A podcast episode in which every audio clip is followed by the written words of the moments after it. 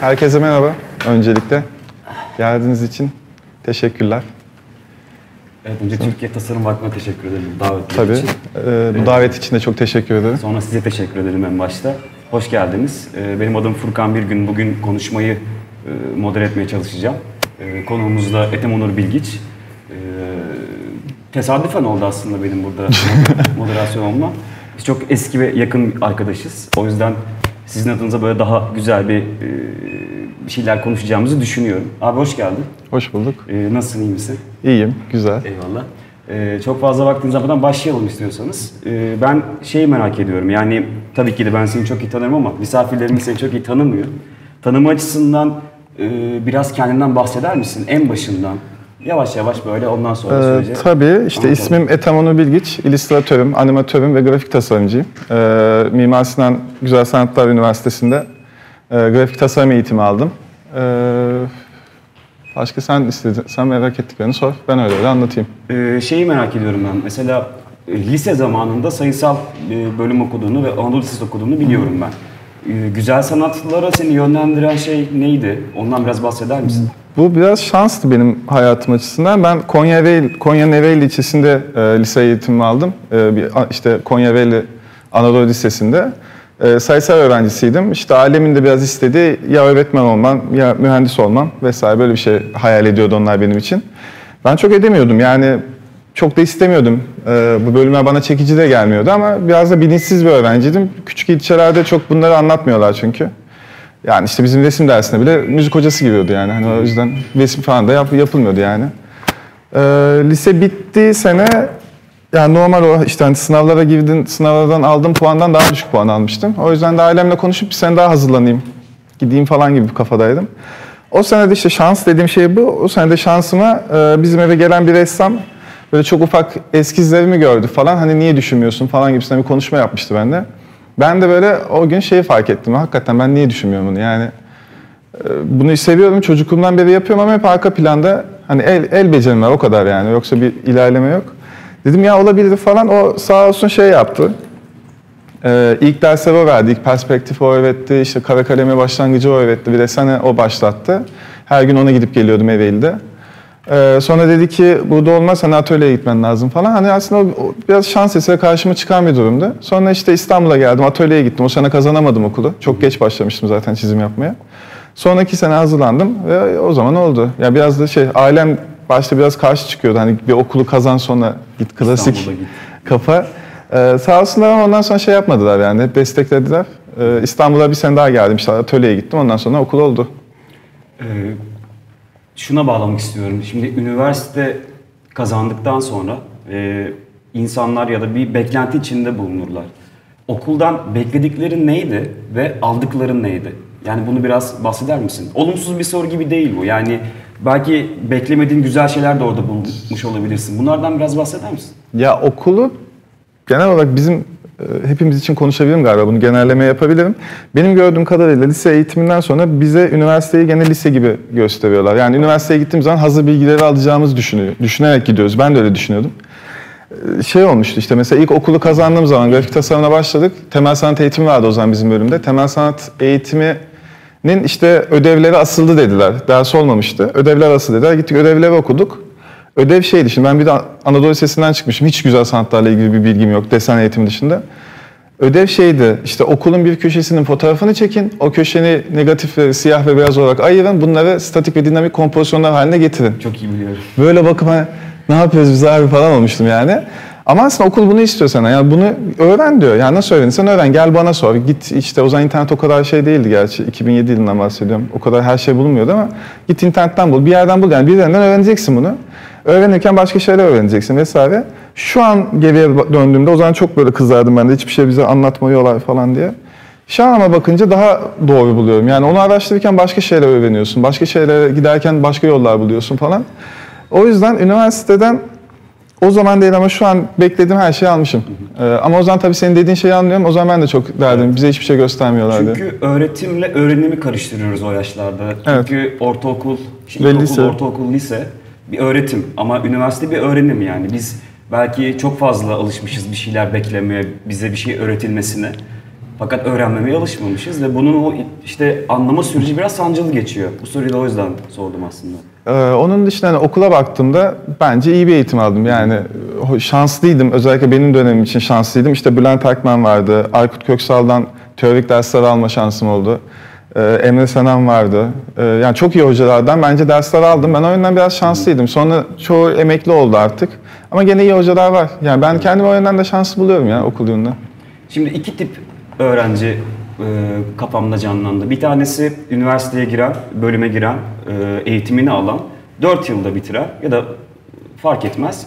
Sonra iş hayatına atılan bir öğrenci tipi var. Bir tane daha tip var. O da şu. Okula girer, bir, bir sene bakar ve okurken piyasada çalışmaya, araştırmaya bir şekilde e, bir meslek, bir kariyeri o zaman oluşturmaya başlar. Sen hangi profilde kendini görüyorsun üniversite sürecinde? Ee, Ben hep üniversitede çalıştım. Yani portfolyomu da ona göre ayarladım. Ee, İşte dergilere çizim yapıyordum. Çok ucuza, ço- hatta parasız çok dergi işi yaptım. Çocuk kitapları yaptım. Hiç benimle aslında alakası yok ya da yapmaktan keyif de almıyordum. Ama gene işte biraz para kazanırım diye yaptım. Ama hep işte üniversite 2'de başladım yani. Hatta üniversite 1'in sonuydu galiba. İlk bir dergiye çizip bir bütçe almam. Ondan sonra birbirini tetikledi. Ama mesela bu nasıl bir şans oluyor? İşte o zaman başlayınca, şimdi öğrenciyken ihtiyaçtan daha minimum. Yani daha az parayla yaşayabiliyorsun. Arkadaşlarınla yaşıyorsun, birbirini destekliyorsun zaten. Hani üniversite bitip bir ajansa girdikten sonra ihtiyaç şeyin de yükseliyor. Ee, gelir, para ihtiyacın da yükseliyor. Ben mesela o, yüzden biraz homojen geçti benim o iş hayatına atılmam. Yani öğrenciyken başladım, ufak ufak işler yaptım. İşler yaparken biraz işte bir yerlerde çıktı işlerim. Biraz daha tanınmaya başladım falan. Üniversite sona doğru zaten artık iş yapabiliyordum piyasaya. Buradaki motivasyonun neydi? Çünkü çok zor. Ben de kendimden çok iyi biliyorum. Yani üniversitedeyken bir şeylerle uğraşmak e, bazen demoralize ediyor insanı. Çünkü okul ikinci planda kalabiliyor. Bazen iş hayatınız geri planda kalabiliyor. Bunun dengesini tutturmak çok zor bir şey. Fakat senin gerçekten de bu benim mesleğim artık dediğin ve hayatımı bununla ida idame ettirebileceğine inandığın geri dönüş o hikayeyi ben biliyorum. O hikaye çok güzel. Ondan bahseder misin? Hangi hikaye? Ee, okuldaki okuldaki söyleşi hikayesi. Ha, tamam. Yok bir anda şey oldu. Evet. Ya o şeydi, üniversite 1'deyken şimdi ben grafik tasarım bölümüne isteyerek girmedim aslında. Biraz hem ailem hem de e, burada gittim Ada Sanat'taki Mehmet Güreli. Atölye hocam çok istemiş sen grafiğe git diye. Ya kazanmıştım grafiği ama ben daha resim ya da heykele gitmek istiyordum. Böyle işte daha sanatçı olacağım ben falan gibi bir kafadaydım. Atölye hocam da dedi ki senden sanatçı olmaz boşuna uğraşma git tasarımcı ol demişti. Doğru demiş bu arada haklıydı. Ee, o yüzden ilk sene de biraz bende buhranlı geçti okula girince. Yani ya burayı istiyor muydum? İşte eğitim, temel sanat eğitimi alıyoruz vesaire. Ben onlara çıldırıyorum, ben bunları mı yapacağım falan gibisinden. Ee, ve bayağı bir ara şeyi bıraktım. Bir de bir yandan da çizim de yapmak istiyorum. İllüstrasyon da yapıyorum ama illüstrasyonlarım hep böyle bir desen aşamasında kalıyor. Her şey bir eskiz. Yani hiçbir şey bitmiyor. Sunabileceğim bir şey çıkmıyor ortaya.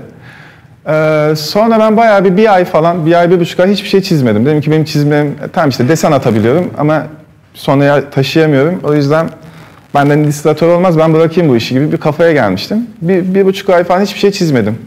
Bir de o zaman bizim okulda şey biraz popülerdi. Şimdi çok görmüyorum onu. Böyle e, şey rıhtımda ya da yemekhanede eskiz defterine hemen eskiz atardım. Okula girmeden önce de çok eskiz defterime eskiz attığımı gördüğü için herkes şaşırıyordu böyle bıraktım çizim yapmayı falan diye. Bayağı bıraktım şey diyordum işte reklam ajansına girelim, bir işte ajansta çalışırım falan kafasındaydım. Sonra bir gün okula Ralph Steadman girdi, geldi. Ee, Ralph Steadman tabii o zaman tanımıyorum, kim olduğunu da bilmiyorum. İngiliz bir çizer geldi, işte illüstratör geldi, söyleşi yapacak falan diye böyle yana dönen insan arıyorlar, izleyecek. Çünkü duyuruyu yapmamışlar, kimse bilmiyor böyle bir söyleşi olduğunu.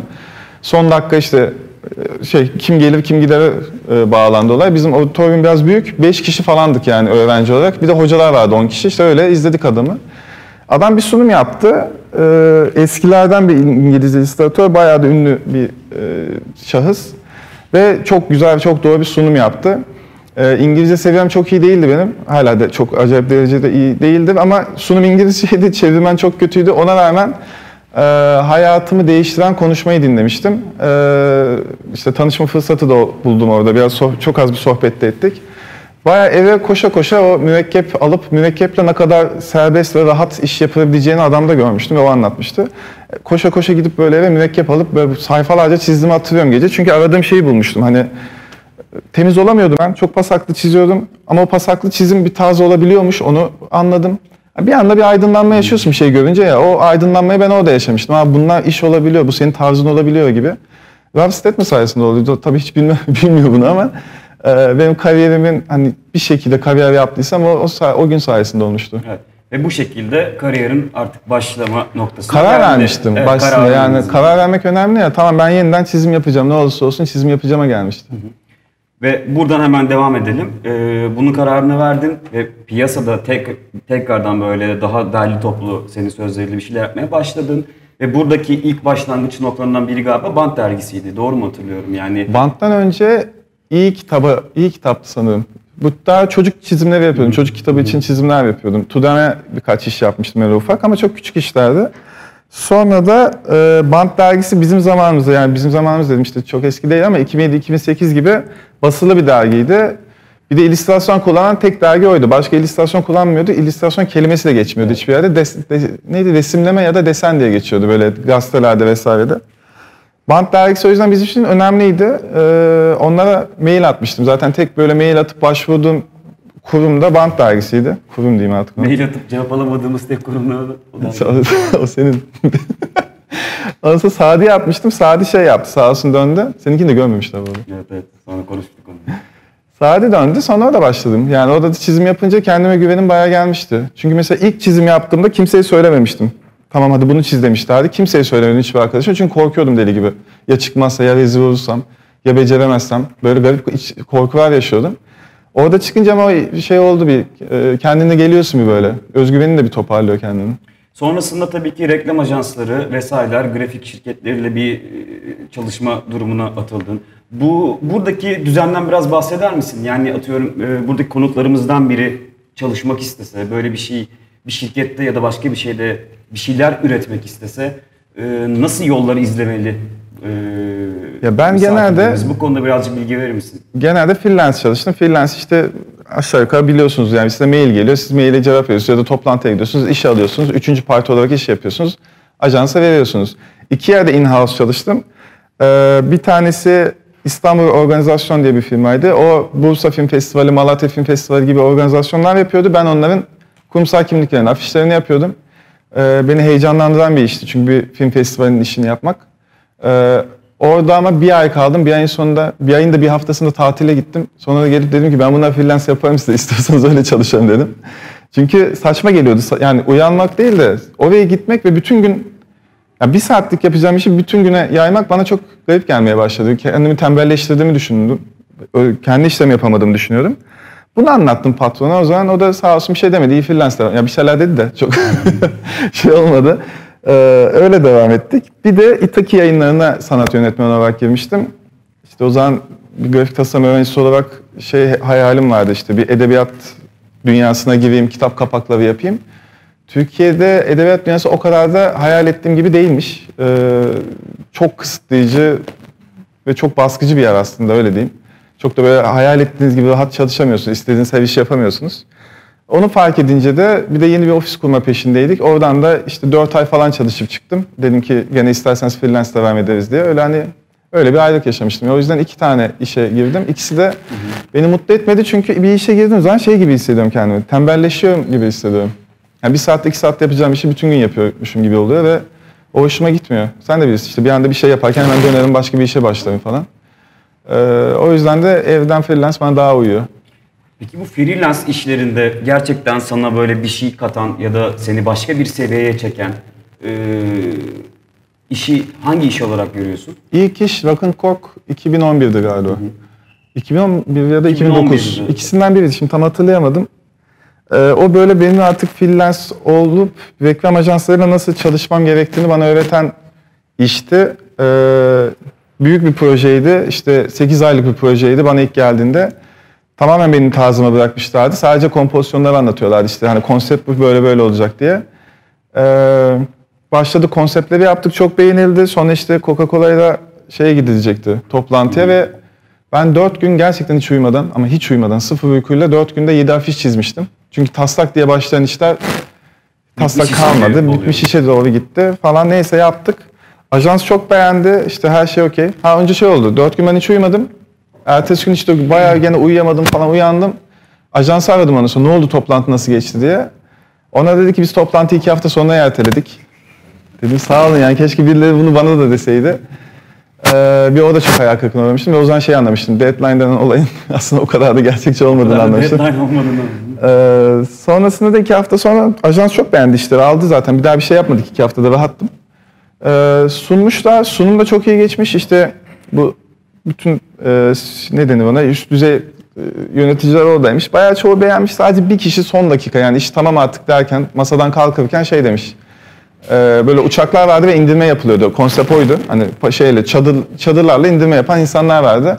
Bu çok İkinci Dünya Savaşı indirmesi e, işte çok kötü anlaşılır. Savaş şey destekçisi gibi anlaşılır. O yüzden yapmayalım dediği için proje yandı. Yani o kısmı yandı. Ee, dediğim gibi bir reklam ajansında başına gelebilecek her şeyi ben o projede görmüştüm. O yüzden beni böyle bir şey atlattı, kademe atlatmıştı. Sonra çok klasik düz bir afiş yapmıştık şeylerin olan, e, izleyicilerin oldu.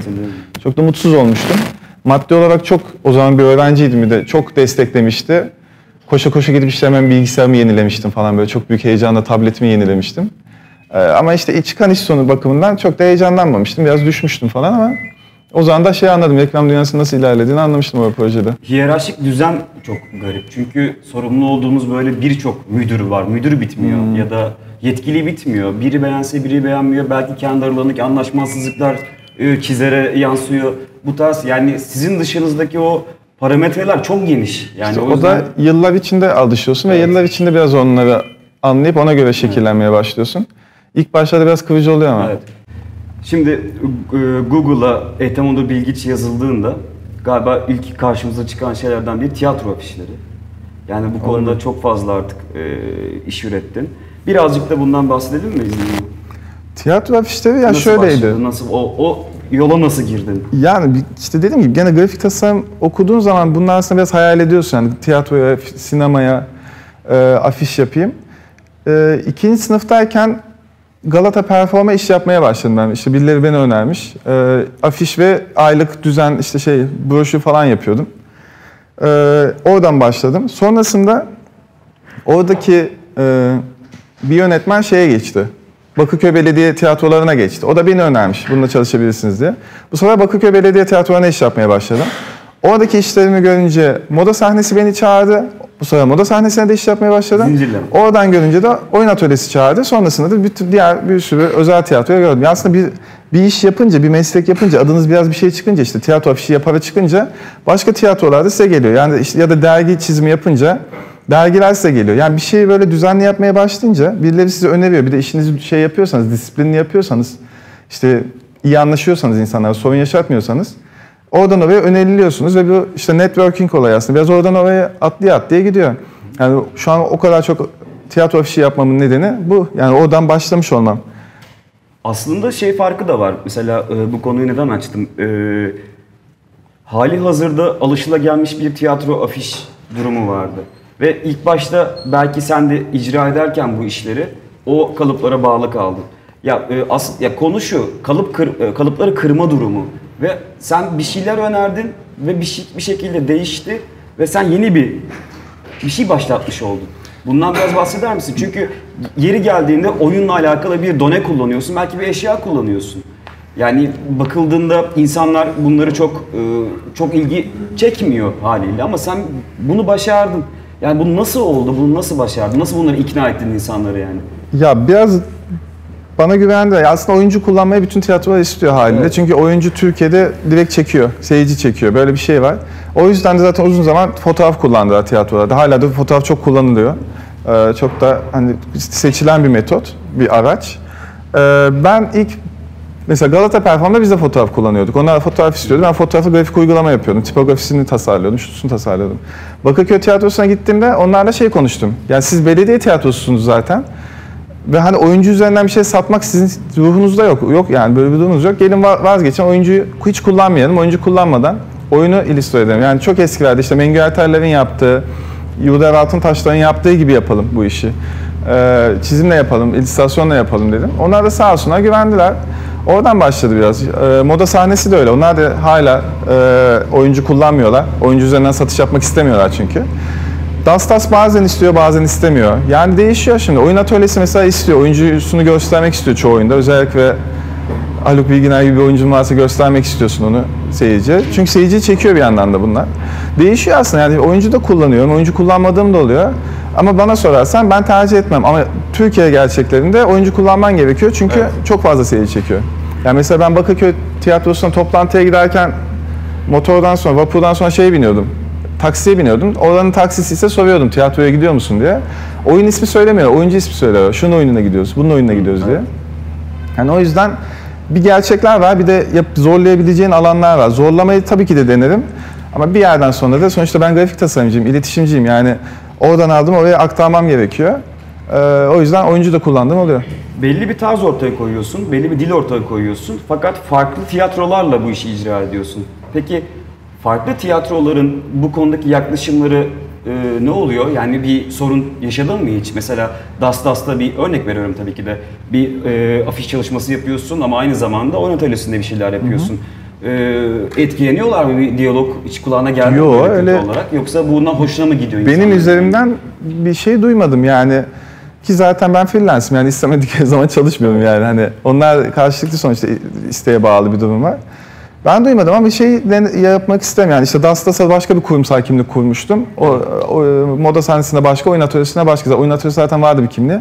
Hani farklı farklı olsun istemem. Çok da yaklaşmasınlar. Yani illüstrasyon kullanalım okey ama grafik dili en azından farklı olsun gibi bir dertlerim oluyor benim de. Bu arada bizim sohbet böyle hızlı geçiyor. Yani bir sorunuz olduğu zaman böyle e, sona bırakmayalım. Arada direkt soru sorabilirsiniz. Aynen, Ee, öyle devam yani, edebiliriz yani, rahat. hiç şey yapmayalım. Hatta soru varsa şimdi bir tane alabiliriz. Yok güzel. Yok mu hiçbir şey? Merak ettiğiniz bir şey de olabilir ya. Soru olmak zorunda değil. Ee, bir şekilde devam etti ee, ve son zamanlarda da yeni bir proje var. Ee, The, The Illustrator kitabı var. Ee, Proje benim değil de ya yani. Değil ama var olduğum bir proje. Ee, bu benim için mesela çok önemli bir şey. Çünkü dünya çapında bir proje, taşıyan çıkardığı bir kitap. Ee, bundan biraz bahseder misin? Bu çok, çok önemli benim için. Yani ben de ilk duyduğumda heyecanlandım. Çünkü öğrencilikte işte sen de biliyorsun KYK'mı kitaplara çok gömdüm. Ee, ve yani çoğu da Taşen'in kitaplarıydı. Hani, hani Taşen'in öyle bir şey bağı da vardı bende. Ee, işte ilk bana mail attıklarında işte dünyadan 100 illüstratör seçtiklerini söyledi. Kitabın adı The Illustrator olacak dediler. Ben de mutlu oldum yani ne diyeyim böyle hani bayağı şey çoğu uzun zamanda kimseye söylemedim. Aslında bayağı geçen seneydi bu benim işlevi yolladığımda. İşte yeni çıktı. Ee, satışa başladı. Bana hala ulaşmadı. Kargoda galiba. Türkiye'den e, bir tek sen mi varsın? Başka insanlar var mı? Türkiye'den bildiğim kadarıyla ben varım. Ee, ama mesela çizer, çok izlediğim çizer varmış. Listeye sonradan baktım, takip ettim çok çizer varmış. Ralph Steadman varmış mesela. Onu görünce daha bir duygulandım. Aynı kitapta var olmak benim için önemli yani onunla. Ee, öyle bir, yani benim için duygusal güzel bir projeydi. Ha, bir mutlu oldum yani orada çıkmak. Yoksa hani bir yerlerde çıkıyoruz ediyoruz bir şeyler oluyor ama böyle bir yayında çıkmak tabii şey yapıyor. Biraz hala heyecanlandırıyor.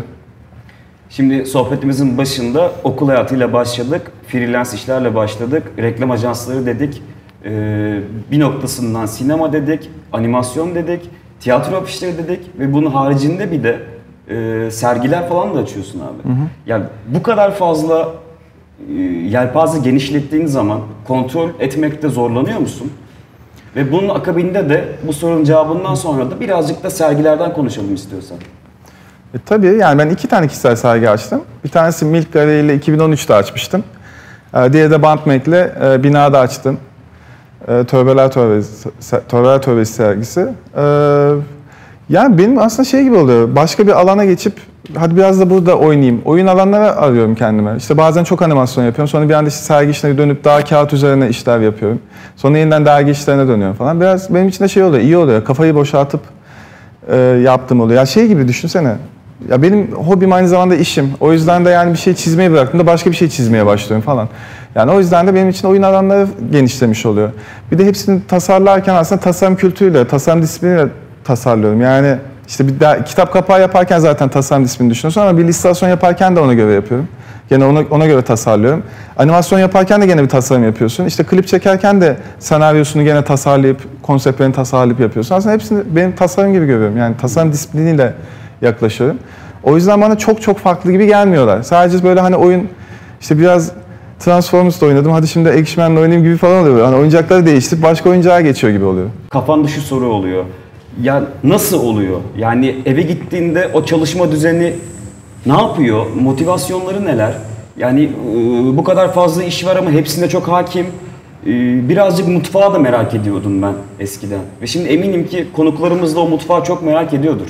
Birazcık o çalışma disiplininden de bahsedebilir misin? Yani atıyorum bir illüstrasyona başlarken nelere dikkat ediyorsun? Araştırma sürecin nasıl oluyor? E, Bunlardan da birazcık ba- bahsetmeni isterim açıkçası yani. Ya bence oradaki en önemli şey rahat edeceğin düzeni tutturmak. Ya diyorum işte ben in-house'da girdim bir yerlerde çalıştım. Rahat edemedim. Orada daha mutsuzdum. Evde tek başıma çalıştığım zaman ben daha mutlu çalışıyorum. O mutluluğu yakalamak önemli. Yani ne- hangi düzende daha mutlu çalışıyorsun? İşte evde yalnız çalışacaksan yalnız çalışacaksın. Arkadaşlarına çalışmaktan rahatsan orada çalışacaksın. Bence onu bulmak ve onun üzerine gitmek önemli. Düzenini onun üzerine kurmak. Ben freelance çalışacağım dedim. Bütün düzenimi ona göre kurdum. İlk başta çok zordu dediğin gibi. Hem maddi olarak hem manevi olarak da. Ama ona böyle yavaş yavaş gıdım gıdım gidiyorsun. Bir de bu bir anda olan bir şey de değil. Dediğin gibi 12 s- ben ilk profesyonel işimi yapar 11 sene oldu. Hani böyle yavaş yavaş gidilen bir yol. Ee, onun dışında da hani bir illüstrasyona başlarken mutfak diyorsan abi dediğim gibi işte en mutlu olduğun yerde çalışırken e, işte bir dergi illüstrasyonu ise dergi okumak ya da işte bir portre ise e, kimi çizeceğini araştırmak hatta hayatına bakmak yeri gelince e, onun e, araştırmasını yapmak ya da mesela sallıyorum hep örnek verdim ya işte Yunus Emre'yi ya da Mevlana'yı çizeceksin. Neye göre çizeceksin? Yani senin gördüğün internette araştırıp bulduğun resimler, resimlemeler zaten onlar da bir illüstratörün kafasından çıkan Evet. resimlemeler. E sen onun aynısını yapamazsın. O yüzden yeniden bu adam nerede doğmuş, kaç yılında doğmuş, hangi etnik kökenlere bağlı bunları araştırıp onun ortalama bir tipini çıkartıyorsun. Değişiyor biraz işten işe yani. yani bir müzisyen çizeceksen müzisyenin hayatına bakarım ben ne yapmış, nasıl yaşamış. Ha, bir fotoğrafından bile çiziyorsam gene de bir bakarım ben ona hani bu adam kim? Hem de genel kültür olsun. Şey farkından bahseder misin abi? Yurt dışında çalışmak ile yurt içinde çalışmak arasındaki dinamiklerden biraz bahsedebilir misin? Çünkü bu da çok sorulan bir şey bize. Ee, insanların çok merak ettiği bir şey. Çünkü bir affedersin çok şey var böyle. Her şey orada daha güzelmiş gibi geliyor ya da her Yok, şey daha o kadar farklıymış fark gibi yok geliyor. bence. Yani ondan birazcık konuşabilir miyiz? On, ya oranın değiliz. Ya ben bu arada hiç yurt dışına şey gidip çalışmadım orada. Buradan yurt dışına hep işler yaptım. Ya ondan da beteri beter, bu- bu- buranın iyisi iyi. O biraz şey kime denk geldiğinle alakalı. Ama yoksa e, bütçeler tabii daha iyi haliyle. Hem kurdan dolayı daha iyi oluyor. Hem de gerçekten buna değer veriyorlar çi- illüstrasyona. E, mesela en basitinden işte The Planet Vaka en son Londra dergisi. En son değil mi? Geçen sene yaptım öyle bir iş. Mesela onları yaparken çok rahattım. Çünkü işte bunu çizeceksin. Europa'nın solistiydi. E, işte bunu çizeceksin, böyle yapacaksın. Ee, işte şu şu pozlar bizim için uygundur. E, Gerisi sende deyip böyle bir ay süre verdiler. Bütçemizde işte şu kadar deyip mesela Türkiye'de asla olmayacak bir bütçe söylemişlerdi.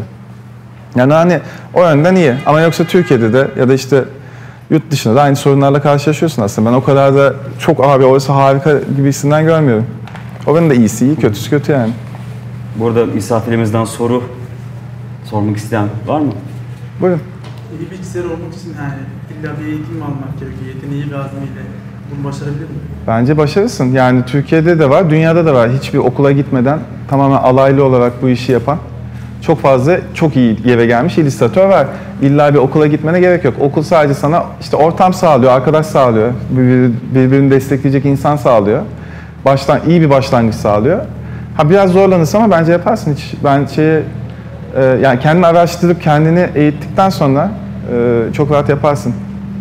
Buna inanıyorum ben yani. Güzel bir noktaya değindi. Yetenek ile çalışma arasındaki bağlantıyı nasıl görüyorsun? Ben kolay öğrenmek gibi görüyorum. Yani çok yetenekliysen işte sallıyorum bir çiz bir ne diyeyim anatomide hadi torso çizelim. Ben işte hemen bir saatte iki saatte anlıyorum. Çok yetenekliyim mesela. Sen ya da işte gene ben daha yeteneksiz olayım. Bu sefer de yani bir, bir ay uğraşıyorum ama öğreniyorum. Yani çalıştıktan sonra öğrenirsin. Ben buna inanıyorum. Ha, bazıları çok yetenekli oluyor. Hakikaten çok hızlı ilerliyor. Kimisi daha az yetenekli oluyor. Eli yatkınlık anlamında. Daha yavaş ilerliyor ama çalıştıktan, istedikten sonra bence her şey olur ya. Bazen yetenek hakikaten bir şeyle daha hızlı ilerlemene de engel olabiliyor. Çünkü çok yetenekli olduğunu bildiğin an Rahatlama geliyor bir de. Rahatlama geliyor ve o çalışma disiplinden uzaklaşıyorsunuz. Yani o aslında bir handikap gibi geliyor. Bir de mesela bu sallıyorum Rönesans çizimleri için söylüyorum yani işte çok mükemmel çizeceksen bir şey bir ay uğraşırsın gene çizersin. Ama günümüzde hani modern dünyada işler de değişti yani kendi tarzını da yaratabilirsin. Yani illaha çok realistik figürler kullanmana gerek yok. İllaha işte ne diyeyim çok iyi bir portreci olmana gerek yok. Kendi tarzını geliştirip kendi tarzın üzerinden de ilerleyebilirsin. Hatta bu daha da günümüzde tercih edilen bir, bir şey. Ee, hani bu nedenle bence illa okul eğitiminde klasik işte çok iyi desenim olsun gibi bir durum olduğuna inanmıyorum ben. Ya biraz kendinin farkında olmak önemli. Yani zaten bunu çok kullanıyorum ben. Kendi yetenekleriniz, iyi yaptıklarınız ve kendi beceriksizlikleriniz sizin tarzınız olacak ve o tarz siz olmuş olacaksınız. Ya ben şimdi mesela çok temiz bana vektörel çizim yap desem ben yapamam. Elime yüzüme bulaştırırım. Çünkü yani hiç yapmadım ki. Hiç yapmaktan da keyif de almıyordum. Soru olan soru, sorusu olan var mı? Buyurun. Ee, Ha, sen yönet. Ben atladım. yani. önce oradan kalktı. Çok özür dilerim. Sonra size hemen söz hakkı veririz. Ee, aslında bütün üretim sürecinizi besleyen kaynaklar, onları merak ediyorum ben. Hem görsel anlamda hem fiziksel anlamda kendinizi e, işte dinlenirken ya da e, keyif alarak okuduğunuz, beslendiğiniz e, dergiler, başka şeyler neler var onları merak ediyorum. Ee, düzenli takip ettiğim dergi yok. Ama çok fazla kitap topladım ben. Hoşuma giden gitmesin. Yani böyle bir şeyleri meraklıysam o konu hakkında da kitap alırım. Onun dışında kendi mesleğimle ilgili de çok kitap toplamışımdır. Öğrenciliğimden bu yana. Yani maddi gücüm neye yetiyorsa. Ee, hani onlara çok şey yaparım ne diyeyim. Oradan araştırma da yaparım, bakarım da. Onun dışında izlediğim şeylerden de bazen etkilenirim. Yani bambaşka bir şey izlerken başka bir şey gelir aklıma. Hani o başka bir yerlerden çıkartırım bazen hikayeleri. Küçük işte illüstrasyon kendime illüstrasyon yapıyorsam onun hikayesini çok başka bir filmden de çıkarmışlığım vardı. Çok başka bir kitaptan da çıkarmıştım vardı. Çünkü küçük ayrıntılara takılırım bazen. Küçük duygulara da takılırım, anlık duygulara. Öyle yani şey hani net şurayı hep takip ediyorum diyeceğim bir şey yok. Ama mesela internetten de hem Instagram artık günümüzde öyle oldu hem Behance öyleydi. Hani çok böyle yeni çizerlere işte ya da eski çizerlere de ne, yap, ne, ne oluyor bir bakarım.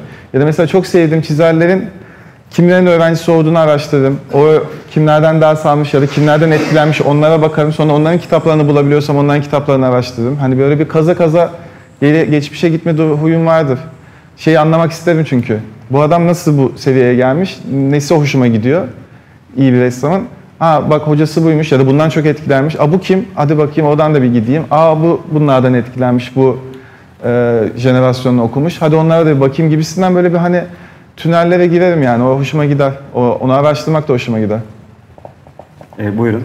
Ee, bu kadar dijital iş yapıyorsunuz. Bu arada kağıt işleri aksıyor mu yani? Mesela deseniniz geriliyor mu yoksa ikisi bir arada ilerliyor mu yani? İlerliyor ikisi ama ilk başlangıç için bence kalem, e, kağıt üzerine desen daha önemli başlangıç için. Sonrasında gözünü terbiye ediyorsun ve ona göre zaten çalışıyorsun.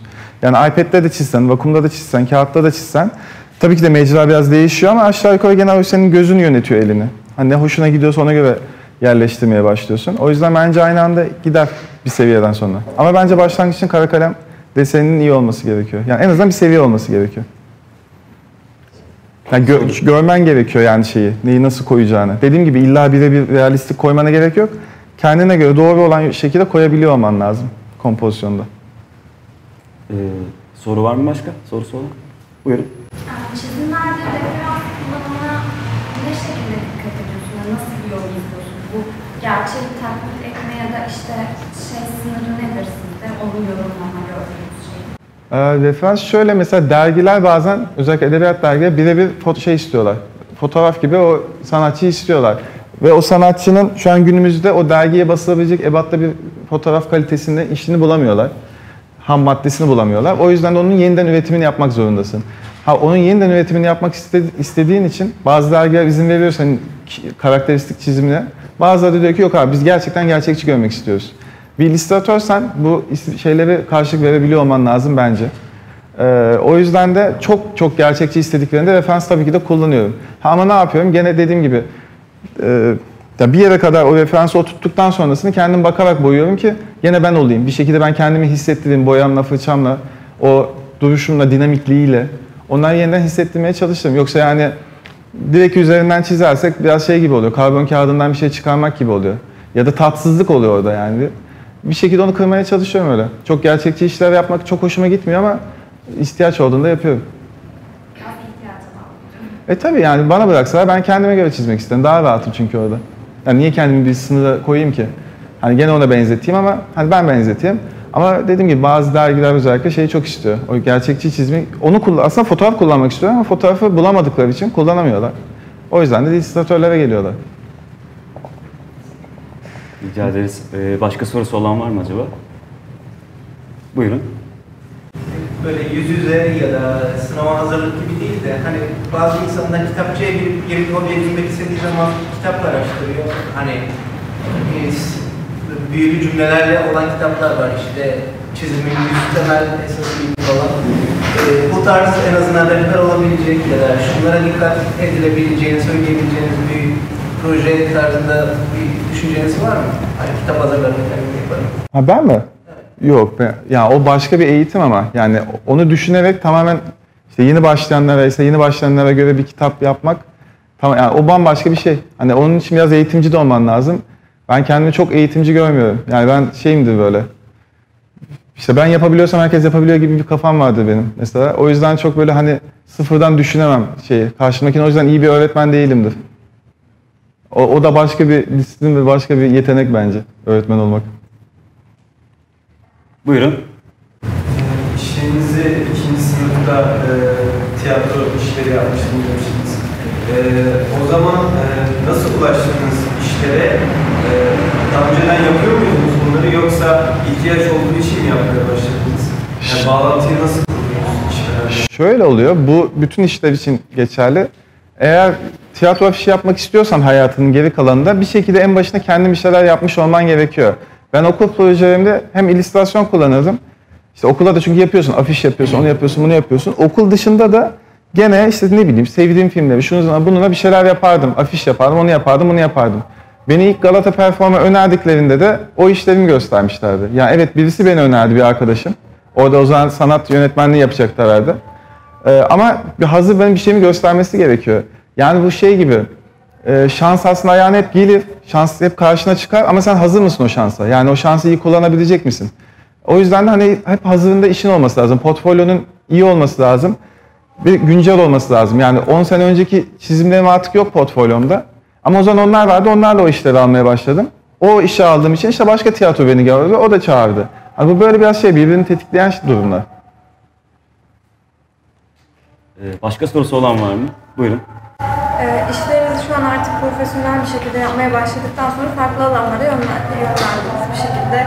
Gra- e, grafik tasarımda, illüstratörde hepsini yapıyorsunuz illüstrasyonda. Peki öğrenme sürecinde de böyle mi olmalı? Yani mesela birisi e, tasarımcı olmak istiyor ve kitap tasarımları yapıyor ama bir yandan illüstrasyon da seviyor. E, başlamalı mı yoksa ilk önce başladığı şeye öğrenip ben bunu öğrendim artık dedikten sonra mı başka bir alana? Bence başlamadı. Yani ilk yaptığınız işler en en profesyonel işler olmuyor zaten. İlk yaptığınız işler genelde günü kurtarma işleri oluyor. Ee, sonrasında onu ilerlete, ilerlete devam ediyorsun. Yani seviyorsanız zaten yapmanız lazım. Hani bu biraz sevgi meselesi. Zorla bir illüstrasyon yapamazsın ya da zorla animasyon da yapamazsın. Seviyorsan kitap kapağı yaparken zaten hadi bir de kendi desenimi kullanayım tasarımda dersin. Ya da onu önerirsin. Ben bir de böyle bir desen yaptım dersin. Müşterine önerirsin. İstemese bile ekstradan yaparsın. Biraz böyle böyle başlıyor bu iş. Ama bence yani bir şeyi hadi bitirdim. Bir şeyi zaten bitiremezsin ki. Hep gelişiyor, o da gelişiyor. Yani 5 sene önce çok içine sinen iş artık sinmiyor. Ya da bu bence doğru olan da bu bu arada. Yani iş bittikten sonra içine sinmemesi gerekiyor o işin. Yani daha iyisini yapabiliyor o duruma getirmesi lazım o işin seni. Her iş seni daha bir seviye atlatması gerekir. O yüzden bence aynı anda başlaman lazım. Ha belki ilk yaptıkların hoşuna gitmeyecek.